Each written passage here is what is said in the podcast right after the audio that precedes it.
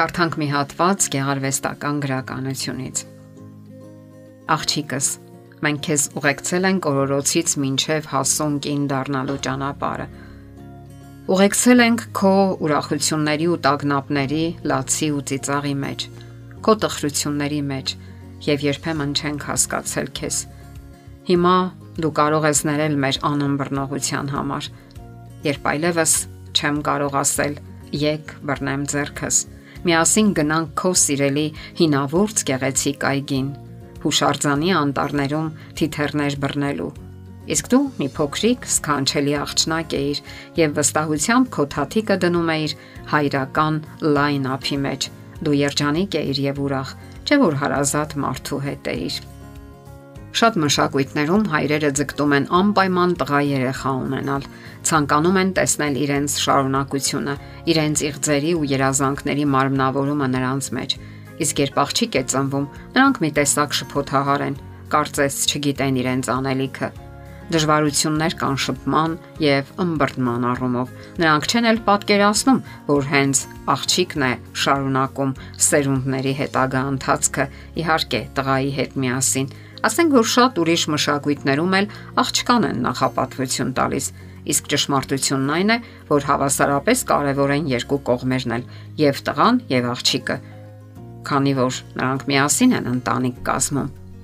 Հայր դուստր փոխհարաբերություններն իհարկե շատ կարևոր են եւ երբեք էլ ուշ չէ կարգավորել հարաբերությունները, եթե նախկինում դրանք ճիշտ չեն ձևավորվել։ Ամենից առաջ նշենք, որ կատարյալ հայրեր չեն լինում։ Լինում են իրենց աղջիկներին շատ սիրող հայրեր, որոնց համար յուրաքանչյուր նոր օրը ուրախության մի նոր աղբյուր է, որովհետեւ յուրաքանչյուր նոր օր նրանք ավելի շատ են սիրում իրենց դստերը, քան նախորդ օրներ, որովհետեւ հասկանում են այն հասարակ ճշմարտությունը, որ աղջիկներն ամենից առաջ հենց հոր սիրո կարիքն ունեն։ Կարևոր են թե նվերները, թե խորհուրդները, սակայն ամենից առաջ կարևոր է հայրական սերը։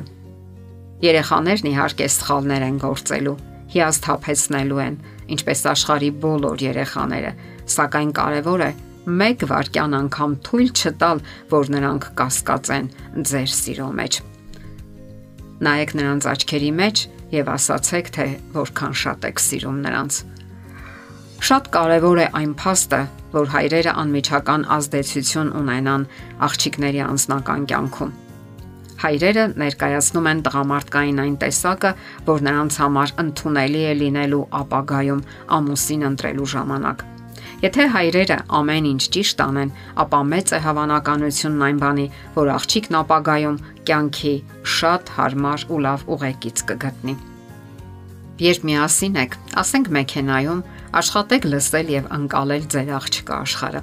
Այդպես մտածելու դեպքում հնարավոր է եւ այն իսկապես բավականություն պատճառի ձեզ։ Այդպես նաեւ հետ չեք մնա կյանքից եւ կլինեք ժամանակակից հայրիկ։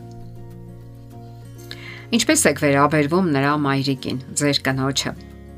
Իմացեք, նա հետևում է այն բանին, թե ինչպես եք վերաբերվում ձեր կնոջը, ձեր ամուսնուն Լավագույնը, որ կարող եք անել նրա համար, դա նրա մորը սիրելն է։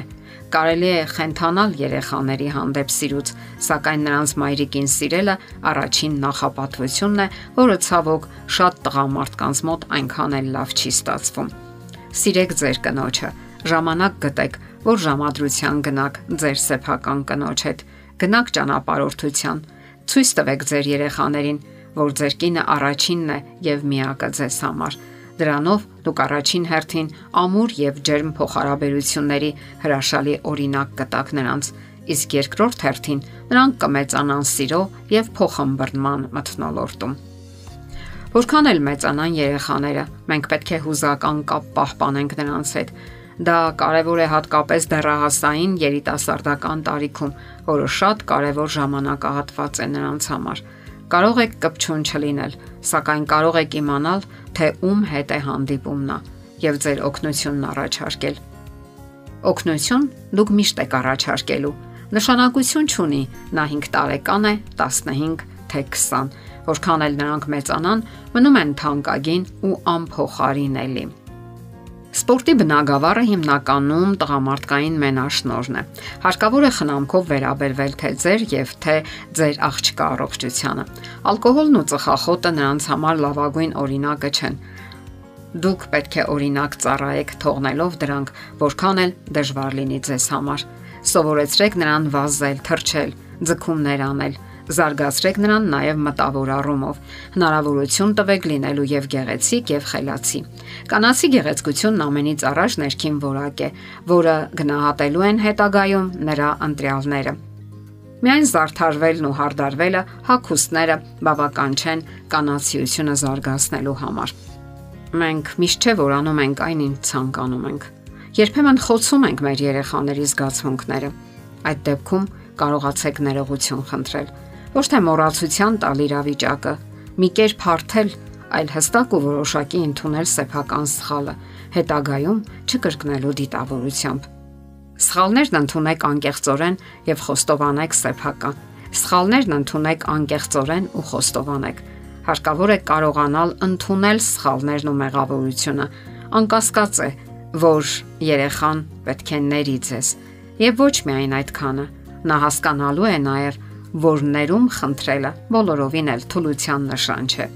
Դե ինչ, սիրելի հայրեր, արժանապատվությամբ կատարեք ծնող լինելու ձեր առավելությունը։ Եթերում ընտանիք հաղորդաշարներ։ Հարցերի եւ առաջարկությունների համար զանգահարել 033 87 87 87 հեռախոսահամարով։